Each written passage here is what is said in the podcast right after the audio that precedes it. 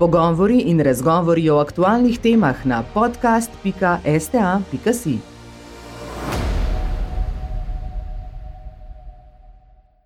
Dobrodošli pri podkastu Slovenske tiskovne agencije EU Konkretno, v okviru katerega vam predstavljamo različne vidike, programe in projekte Evropske unije ter učinke, ki jih ima na evropske državljane, tudi v Sloveniji.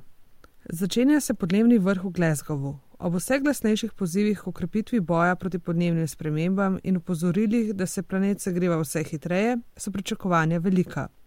Svetovni voditelji bodo prihodnje dni poskušali najti konkretne rešitve za boj proti podnebni krizi, saj trenutni ukrepi in cilji niso dovolj. Za mnenje o trenutnem stanju in pričakovanjih glede vrha v Glasgowu smo poprašali Janeza Potočnika, sopredsedujočega Mednarodni komisiji za vire pri Združenih narodih in Jana Štruklja iz Gibanja Mladi za podnebno pravičnost. Nekdani Evropski komisar za okolje vidi priložnost predvsem v transformaciji ekonomskega sistema. Ja, uveljavljeni pristop, ki, ki ga vidimo predvsem pri boju proti podnebnim spremembam stavi predvsem na prehod, na uh, prehod proizvodne energije, ki temelji na ogličnih virih, na uh, obnovljive uh, uh, vire in pa tudi na obladovanju ogličnih izpustov. Uh, ampak jaz samo osebno menim, da je to premalo. Če si pogledamo strukturo rabe energije, ne, potem nam je hitro jasno, zakaj se pravzaprav ta uporablja. Ali se denimo uporablja za mobilnost, eh, za gradbeni stanovanski sektor, za pridelavo hrane, za ostale potrošne dobrine. Skratka, vedno je treba gledati tako ponudbeno stran energije, kot tudi potrošno stran energije in povezavo z našimi potrošnimi potrebami. Ne. Če vam dam, denimo, primer jekla. Danes je prevladujoča politika stavi na to, da je treba očistiti industrijo jekla in da je treba pač eh, uspešno eh, vse izpuste eh, obladati, ki prihajajo od tam. Ne. Vprašanje, ki si ga pa zastavljamo, recimo preko mednarodnega panela za vire, najprej je pa, koliko od tega jekla dejansko potrebujemo, koliko od tega jekla je denimo ujetega v neracionalni rabi avtomobilov, ki jih uporabljamo pri mobilnosti, ki je danes postavljena tako, kot je, skratka, da je praktično eh, privatno lastništvo avtomobila neka eh, normalna zadeva, in pri tem prijemo do tega, da je v bistvu privatni avto v Evropi nekje izkoriščen do 2 odstotka.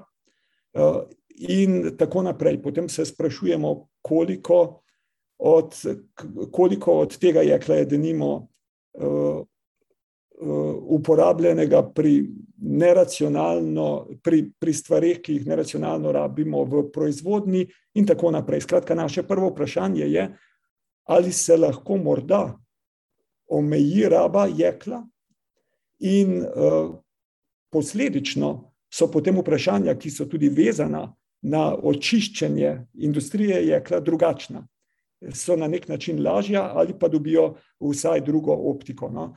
E, krožno gospodarstvo, za katerega ste zagotovo že slišali, je v bistvu e, najbolj znan trenutno in tudi uveljavljen koncept. Konc, koncev sem ga sam predlagal leta 2014 v Evropski komisiji. In uh, ta koncept v bistvu govori točno o, o tem, kako različne vrste naravnih virov čim dlje zadržati v proizvodnem in potrošnem ciklu, in kako tudi ohraniti njihovo vrednost. Ker to, da ohraniš njihovo vrednost, je izjemno pomembno, zaradi tega, da v bistvu eh, so ekonomski vzvodi, ki, ki delujejo na trgu, tisti, ki pravzaprav sami vodijo v, eh, v to smer. Ne. Krožno gospodarstvo je tudi na nek način, bi rekel, najboljši instrument, nečesa, kar v mednarodnem panelu za vire imenujemo odvojitev, odvojitev gospodarske rasti od rasti rabe virov in posledično od okoljskih, in od okoljskih posledic, ne, okoljskih učinkov. E, to je e, pravzaprav tisti temeljni del e, našega teoretičnega pristopa, na katerega stavimo in za katerega smo prepričani, da prehoda v v okoljsko zdržno družbo preprosto ne bo, če tega ne zagotovimo. Jaz mislim, da je najprej se treba pri vseh teh stvarih vprašati, kaj je skupni imenovalec vseh teh okoljskih problemov. Ne. In uh, zanesljivo gre tu za netrajnostni ekonomski sistem, ki o povečanju števila prebivalstva stremi gospodarski rasti, ki temelji na neodgovorni in neracionalni rabi naravnih virov. To je temeljni razlog tako za podnebno krizo, kot za biot, krizo biotske raznovrstnosti, kot za uh, probleme onesnaževanja zdravja s tem povezano. Ne. Skratka, vsi imajo pravzaprav uh, jedro vseh teh problemov je v, v vplivu človeka, ki se večinoma kaže skozi netrajnostni ekonomski sistem, ki smo ga razvili leta nazaj, ki se takrat ni kazal kot problematičen, danes pa je viden kot hudo problematičen. Ne. Iz različnih razlogov, predvsem zaradi uh, hitre rasti blagostanja, skratka, zaradi ekonomskih, pa tudi, seveda, zaradi tega, ker je število prebivalstva danes na planetu drugačno, kot je bilo stoletje nazaj. Uh, vedno moramo gledati na potrošnjo in na proizvodno stran problema. Ne. Eh, da nimo, če poskušam razložiti na potrošni strani. Ne. Ljudje pravzaprav ne potrebujemo avta, ampak potrebujemo mobilnost, ne potrebujemo žarnice, ampak potrebujemo svetlobo, ne potrebujemo stola, ampak želimo sedeti. Ne. Ne pot, ena stvar, ki se je recimo v praksi že uveljavila, ne potrebujemo CD-jev in kaset, ampak potrebujemo glasbo. Danes, skratka, že imamo glasbo kot storitev. Ne. Tudi, če želite, ne potrebujemo eh, hladilnika, ampak potrebujemo eh, ohlajeno, zdravo hrano. Ne, ne potrebujemo pesticidov, ampak potrebujemo zdrave rastline na polju. Ne. Skratka, marsikaj se da organizirati drugače. Vam bom, da nimo dal primer um, žarnice pa svetlobe. Če vam proizvajalec prodaja žarnico, potem je njegov interes, da vam jih proda čim več. Ne? Zaradi tega, ker je njegov profit grajen na številu, ki jih proda. Ne? Če vam pa proda svetlobo, da nimo to Filip že počne na letališču Schiphol, potem je pa njegov interes obraten. On dobiva plačilo za storitev in število žarnic, ki jih uporablja, so pa njegovi stroški. Ne? Zato bo v bistvu stimuliran v to smer, da bo prihranil vire, ki jih ugrajuje. Ne? In vi morate, skratka, to vrstne sisteme uveljaviti čim bolj, ki pravzaprav v, sami, v samem sozvočju s proizvajalcem delujejo v to smer, da je zainteresiran hraniti naravne vire. Ne. Tudi v večji meri je treba proizvajalce povezati z proizvodom, ki jih delajo. Danes imate pač situacijo tako, da je proizvajalec odgovoren za proizvod, dokler ga vam ne proda, potem ste vi kot potrošnik odgovorni, ko postane Odpadek je pa pravzaprav družba odgovorna, niti vi ne. ne. In družba potem upravlja s tem, kako to organizira, je druga stvar. Ne. Če bi denimo proizvajalec vedel, da se bo stol, na katerem vi sedite, po končani življenjski dobi vrnil na njegovo dvorišče, verjemite, da bi trajal dlje, da bi bil oblikovan drugače in vse pristop, celotna ekonomija bi bila zgrajena drugače. Ne bi bila zgrajena na masivnem potrošništvu, ampak predvsem na tem, da se zadovoljijo vaše potrebe. Ker jaz v nobenem primeru ne govorim o tem, da potreb, ki jih imamo, ni treba zadovoljiti nasprotno. Seveda jih je treba, sam lahko jih zadovoljimo tudi na drugačen način, kot jih danes zadovoljujemo. Medtem ko je pa eh, pri, pri potrošniku je pa zanimivo, Potro, sami ste rekli, seveda potrošnika moramo ozaveščati, no, moramo mu nuditi in zdaj preko digitalne tehnologije ta možnost seveda že zelo obstaja. Moramo mu nuditi vse informacije o proizvodu, o vsem, kar je pomembno. Vendar pa, če smo iskreni, dokler bojo na trgu signali taki, da če se vi obnašate okolju prijazno, da nimo, če želite kupiti hrano, ki je bolj okolju prijazno pridelana in bolj zdrava, boste za njo plačali več. Ne? Če želite kupiti električni avto na mesto avtomobila z notranjim izgorevanjem, boste plačali več. Ne? Če želite zgraditi hišo, ki je pač taka, da je zgrajena na okolju bolj odgovoren in prijazen način, boste plačali več. Kratka, dokler imamo mi signale potrošniku na trgu take, da je, da je če ravna odgovorno za neracionalno, ne, potem je tudi na nek način neracionalno vedno, vedno se obračati na potrošnika, naj se obnaša racionalno, ker se v bistvu obnaša racionalno, kratkoročno. Ne? In tako da je vendarle se treba vprašati, kaj spremeniti tu. Ne? Jaz običajno pravim, in, in to se da tudi s podatki dokazati, da je proizvodni kapital pač precenjen in eh, preveč nagrajen, da je delo podcenjeno in premalo nagrajeno, da je pa naravni kapital pa preprosto necenjen in ni ugrajen in ni del stroškov podjetja. Ne? In dokler je tako, je seveda tudi hrana tista, ki je pridelana na okolju neprijazen način cenejša, ker je pač z intenzivno proizvodnjo lahko pridelaš več in so vse zadeve postavljene pač na napačne temelje. Ne. Tako da eh, vedno je treba pač začeti pri temeljih, ki so uh, razlog za to in temeljni problem je v ekonomskem sistemu, uh, kako je v bistvu postavljen in na kakšen način v bistvu vpliva na nas kot deležnike na trgu, na proizvajalce in potrošnike, in kakšne signale preko tega trga v bistvu ljudem sporočamo, kako naj ravnajo in kako naj se obnašajo. In trenutno so ti signali pač taki, da naj ne ravnamo skladno z, uh, z interesom varovanja narave. Podobno se za sistemske rešitve zauzemajo pri mladih za podnebno pravičnost. Kot družba smo v zadnjih letih naredili kar nek miselni preskok eh, v to, da, da se zavedamo podnebnih sprememb in podnebne krize, da, da živimo v podnebni krizi. Zdaj, ali se to prenaša na uh, dejanja ljudi in na v bistvu to neko preopraševanje sistema, ki je edini, ki lahko karkoli pomaga pri podnebni krizi, jaz mislim, da ne. Potem, če pogledam lokalno in državno in pa tudi naddržavno politiko, nadnacionalno politiko, mislim, da mladi smo slišani, ampak Vprašanje pa je, če smo uslišani. Tudi tu mislim, da nismo uslišani. Predvsem v zadnjih letih je postalo zelo moderno, zelo popularno, da se mlade vključuje v razne skupine za, za posvet, vendar smo opazili, da razen če se res aktivno ne. ne um, če aktivno sami ne vstopimo v te debate, oziroma začnemo sami te debate, smo tam bolj kot ne uh, samo za, za statistiko, oziroma za, za, kot, kot bi rekli, izvrševalci javnih razpisov, za to, da, da zadostimo kvote. Uh, tako da mislim, da, da, da je. Da, ja, mladi smo slišani, odločevalci se, zahte, se zavedajo naših zahtev, vendar jih mislim, da dajo v predal in jih ne, ne uresničujejo. Ne, ne zadostujejo temu, kar v bistvu mi zahtevamo. In, in naše zahteve so, so, precej, so dokaj jasne.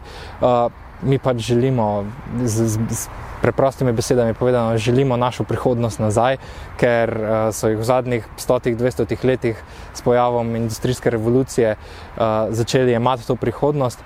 In če se tega, recimo, takrat 100-200 let nazaj niso tako zavedali, je pa stvar takšna, da zadnje vsaj 30 let se politiki, znanstveniki in drugi močni ljudje, oziroma ljudje, ki imajo uh, v rokah to moč, se zavedajo posledic in, in v bistvu jih ignorirajo. Uh, Nalašč jih ignorirajo zaradi tega, ker je spreminjanje sistema oziroma dolgoročne. Uh, Dolgoročne spremembe, ki so potrebne za rešitev te krize, ne prinašajo takojšnjih političnih točk. In tu, bi, tu, tu mi, predvsem v mladih za podnebno pravičnost, vidimo, da je največji potencial. To pomeni, da, da sprememba sistema, kjer se ne bo več gledalo na kratkoročne politične točke, ampak na neke dolgoročne ukrepe, ki bodo pomagale vsem. Ker, ker na koncu dneva bomo podnebno krizo čutili vsi, že sedaj jo čutimo vsi, čez 20-30 let pa še bolj. Mo, moram reči, da, da v bistvu naše zahteve so na lokalnem in na nacionalnem nivoju bolj kot ne ignorirane. Uh, zdaj, predvsem Evropska unija nekako prednjači v, v, uh, v ambicijah za rešitev uh, podnebne krize, pa še tu so ti načrti premalo ambiciozni, še posebej zaradi tega, ker, ker vse ti načrti in, in dogovarjanja trajajo več let, če ne desetletji. In, in Za takšno pogovarjanje je bil čas več desetletij nazaj, ne pa, ne pa zdaj.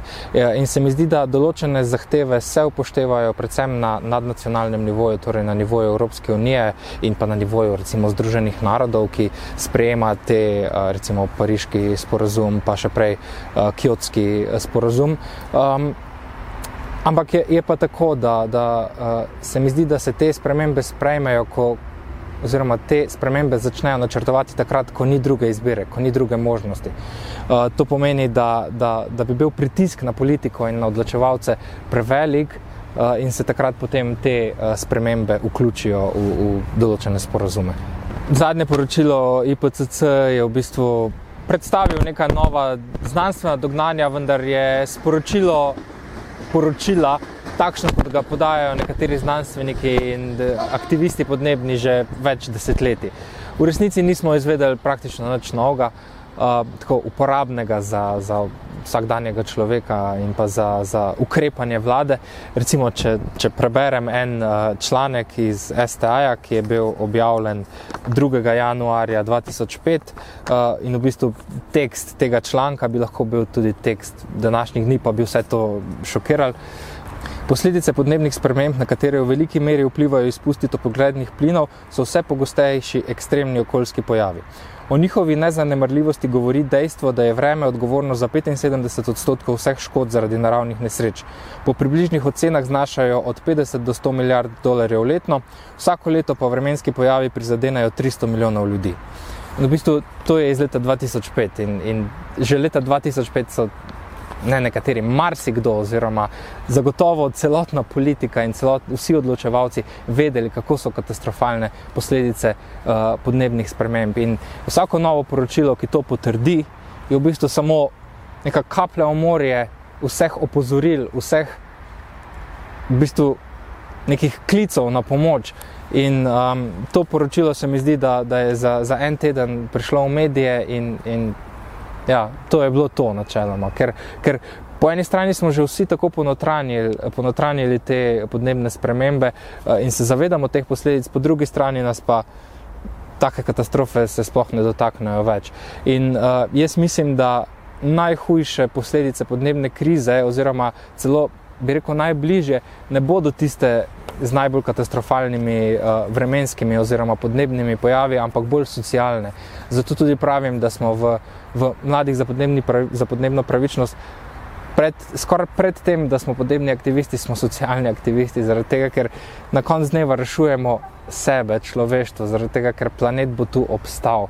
Uh, živalske in rastlinske vrste se bodo obnovile, Zemlja bo tu še verjetno 5 milijard let, dokler se ne bo zaletelo v Sonce, pač tako pravijo znanstveniki. Ampak ja, človeštvo pa, pa nima tega roka trajanja in, in zelo verjetno bodo posledice pred tem, da bo človeštvo izginilo, še, še zelo hude socialne posledice, kot so.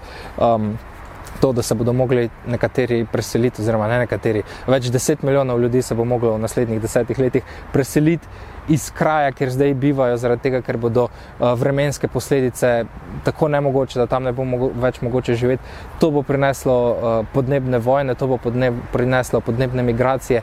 In, in ja, če, če gremo zdaj iz tega eurocentričnega pogleda, uh, ti podnebni begunci bodo prišli k nam in, in takrat se bo potrebno ukvarjati tudi s tem. Zaradi tega je pač naš poziv točno to, da se začnemo ukvarjati s podnebnimi spremembami, s podnebno krizo zdaj, bolj aktivno, z bolj radikalnimi ukrepi, ker drugače bo to prineslo apokalipso. No.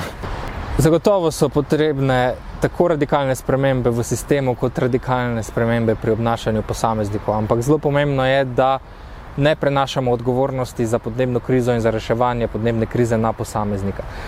Um, en, izmed, en izmed poti v boljšo družbo je, je pač manj mesa in več uh, hrane rastlinskega izvora, ampak trenutno je še vedno najceneje, najcenejša oblika prehranjevanja neka mesna oziroma prehrana z velik mesa.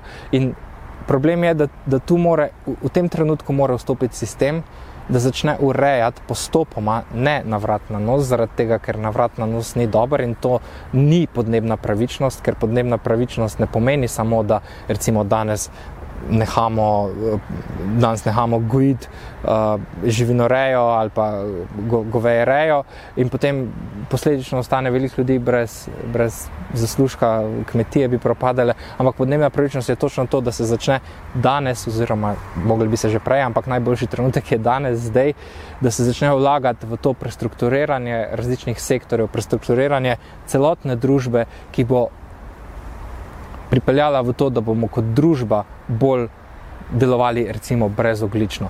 In točno to v bistvu. Potrebne so spremembe na ravni sistema, zato da se bo lahko človek spremenil, zato ker vsak človek je otrok socializacije in ne glede na to, kar delamo, so spremembe, ki jih dela posameznik, sam so, so super, pač dvigujejo neko zavednost, ampak to je, to je premalo. In sistem je tudi ta, ki to reši, sistem si lahko to tudi privošči, sistem si lahko privošči uh, ukrepe na dolgi rok, sistem si lahko izposodi velike količine denarja za prestrukturiranje, ne pa nekdo, ki dela na minimalcu. Recimo.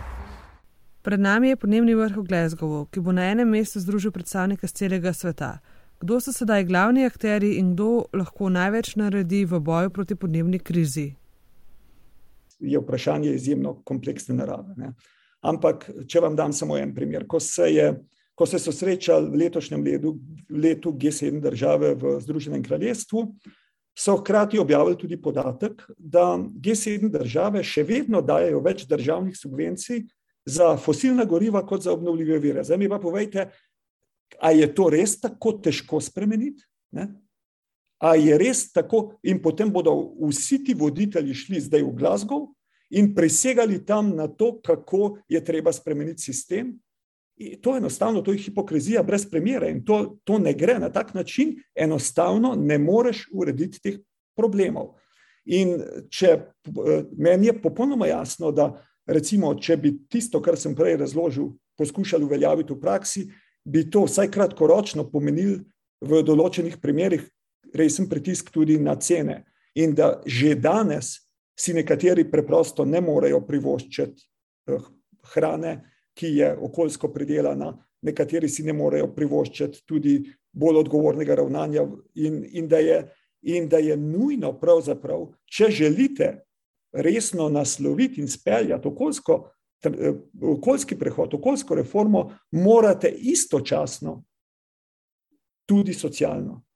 Istočasno, ker je veliko ukrepov v preteklosti, ki je bilo dobrih in so šli v pravo smer, dejansko ni bilo sprejetih in je padlo pa zaradi tega, ker ni bilo pogojev, da bi to v družbi lahko uveljavili. In če teh pogojev ne bomo zagotovili, če ne bomo hkrati delali na enem in na drugem, seveda uh, bo to vodilo do, do vprašanj, kjer, uh, kjer enostavno ne bomo mogli nekaterih stvari rešiti, uh, rešiti ustrezno. No, tisto, kar mislim, da je da je bistven premik ne, z Evropskim zelenim programom in tudi zdaj tem programom pripravljeni za 55, smo prvič na neki visoki politični ravni dobili zelo jasen signal, da, da gospodarska rast ali pa rast blagostanja, bi bilo bolje rečeno, v prihodnosti je v veliki meri odvisna od tega, kako bomo ravnali z okoljem in da te stvari pač niso v konfliktu, in da interesi niso drugačni, ampak nasprotno, da vkolikor ne bomo odgovorno ravnali do okolja, da bodo posledice, ki jih bomo čutili, tolikšne, da bomo tudi skozi gospodarsko optiko prizadeti. In v tem kontekstu je seveda zelo pomembno sporočilo, da je treba preprosto, da je ta tranzicija eh, neizogibna, tudi če gledamo izključno skozi ekonomski interes, da je pa res, da je včasih uh, malo boljš, bolj dolgoročnejši ekonomski interes, pač v neskladju z kratkoročnim in z odločitvami, in da žal veliko krat ljudje ravnajo tako, da imajo danes in tu več v svojem žepu, in da jim je prav malo mar za. Prihodne generacije in za lastne otroke, pri čemer ne pozabijo ustrajno govoriti o tem, kako jim je to pomembno. No, glede konference, moram biti zmeren optimist. Ne? Sicer preboja, ki bi posegel v jedro prevetritve ekonomskega sistema, signalov proizvajalcem, potrošnikom eh, ne bo prinesla, saj ne bo prinesla na potrebni ravni. Predvsej se že pogovarjajo tudi, eh, tudi voditelji o nujnosti sprememba, sprememb, vem, od davčnega sistema do sprememb, ki so povezane z z državnimi subvencijami, z, z um, javnimi nakupi. Skratka, to so vse pomembne stvari in to so vse del teh signalov, o katerih govorimo. Ampak mislim, da še nismo dovolj daleč in tisti primer, o katerem smo pregovorili, je, je, je zelo tipičen. Ne?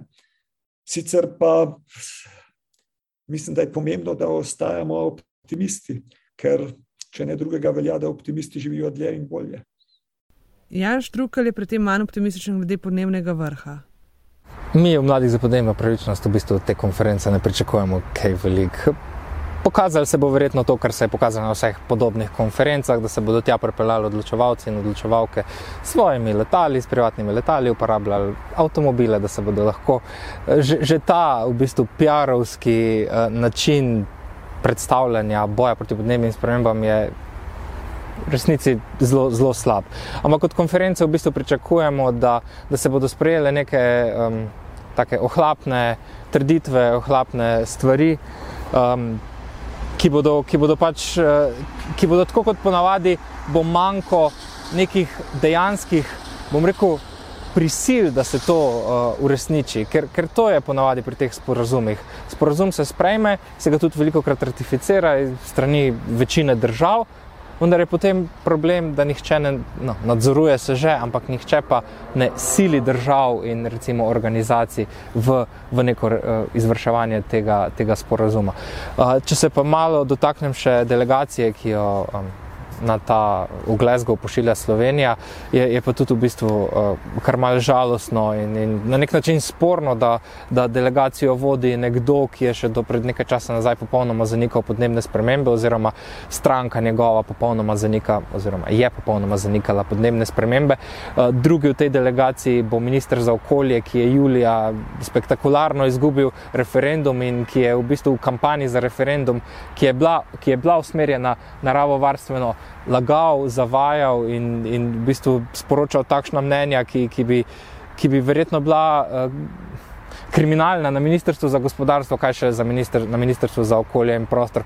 Potem pa še člana delegacije, sta še ministr za finance in pa ministr za infrastrukturo. Uh, to so v bistvu štiri, ki bodo vodili to delegacijo, ki naj bi predstavljala tudi stališče EU-ja. In, in tu se jaz sprašujem, kako je mogoče, da, da ljudje, ki so skregani z vsemi praktično vodijo delegacijo in predstavljajo mnenje tako velike inštitucije kot je Evropska unija na tako pomembnem dogodku, ker ne na zadnje je pa to en izmed, en izmed pomembnejših dogodkov na področju reševanja uh, podnebne krize, vsaj teh uradnih.